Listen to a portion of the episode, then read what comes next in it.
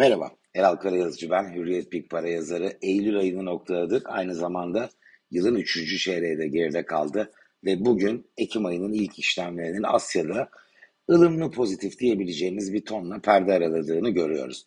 Önce Eylül ayını hatırlayalım. Neler yaşandı? Yurt içinde finansal seçeneklere baktığımızda aslında gümüş dışında hemen hepsinde birbirine yakın değişim oranlarıyla karşılaştık. Borsa çok iyi başlamıştı. 13 ee, Eylül'e kadar 3700 puanın da üzerine çıkmıştı. Fakat ayın ikinci yarısında dünya borsaları düşerken eş zamanlı olarak Türkiye'de de o çok agresif yükseliş yerini agresif bir değer kaybına bıraktı. Ee, ve 3200 puanın altına endeks geriledi. Ee, geçen hafta 3050 puanda ay içinde test edilen en düşük seviye olarak kayda geçti. Sonuç derseniz Türk lirası bazında aslında Borsa İstanbul'da 100 endeksin değeri Eylül'de değişmedi. %0,3 hatta artış oldu. Dolar bazında ne oldu dersek dolar %1,7 değer artışıyla Eylül'de finansal seçenekler içinde yurt e, içi e, alternatifler arasında en iyi ikinci performansa imza attı ve BIST 100 endeksinin de dolar bazında değişimi %1,5 eksi oldu. Dünya Dünya borsalarında ortalama %10'luk bir kayıp gördük. Kore %18, Çin %14, Polonya %14 dolar bazı değer kaybıyla Eylül'de e, e, öne çıkanlar oldu. Türkiye benim izlediğim grubun içinde en sınırlı değer kaybı yaşayan ve e, aslında pozitif ayrışmayı belirgin biçimde Eylül'de de sürdüren endeks oldu. Sene başından bugüne sıralamaya baktığımızda dünya borsalarının değer kaybı dolar bazında ortalama yüzde 33, Almanya burada yüzde 40, İsveç 41, Polonya 49'la son sıraları e, almış durumdalar. Türkiye ise yüzde 5.6 değer artışı kaydeden Brezilya var ikinci sırada. Türkiye yüzde 18.8 2022 performansında e, açık ara farkla liderliğini sürdürüyor. Peki Ekim ne olacak? Şimdi öne çıkacak bence iki tane faktör var. Biri 13 Ekim'de açıklanacak Amerika'nın Eylül enflasyonu. Çekirdek enflasyon tam e, bu tarihten bir ay önce 13 Eylül'de e, beklentinin iki katı bir gerçekleşmeye imza atmıştı Amerika'da. %0,3 yerine %0,6'lık bir artışla karşılaşmıştık. Bu da e, çok ağır satışlar getirmişti borsa endekslerine. Tahvil faizleri o günden itibaren yukarıya gitmişti. Ne değişti?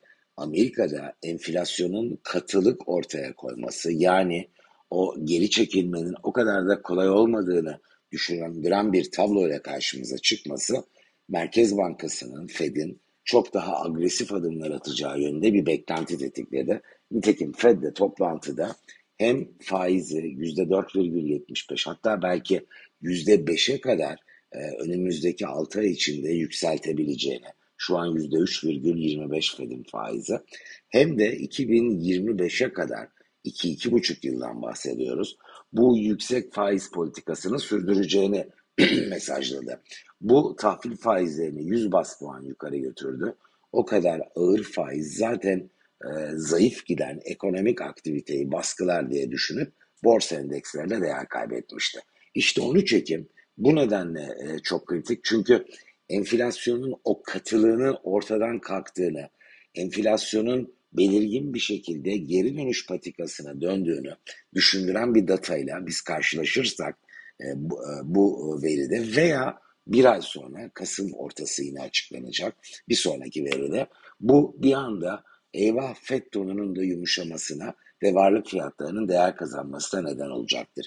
İkinci konu elbette Ukrayna. Ukrayna konusu Şubat ayından beri piyasalara e, direkt ve dolaylı etkileriyle yön veren, domine eden bir faktör konumunda. Burada da önce Rusya'nın ilhak kararı, arkadan da Ukrayna'nın NATO'ya e, başvurusu var manşetlerde öyle çıkar. Bu tabi bir yandan gerilim yaratıyor. Acaba ne olacak? Savaşta olan bir ülkeyi mi NATO alacak?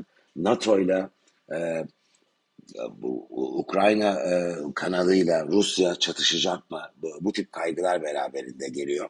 Ama ben e, burada hafta içinde e, yaptığım e, araştırmalarla ve hafta sonunda aslında bu işin örtülü bir sulhe doğru yönelmesinin mümkün olduğu, hatta bu, bu senaryonun şansının da yüzde yetmişleri yakın görüldüğü yönünde bir izlenim edindim dış politika analistlerinden. O da nedir?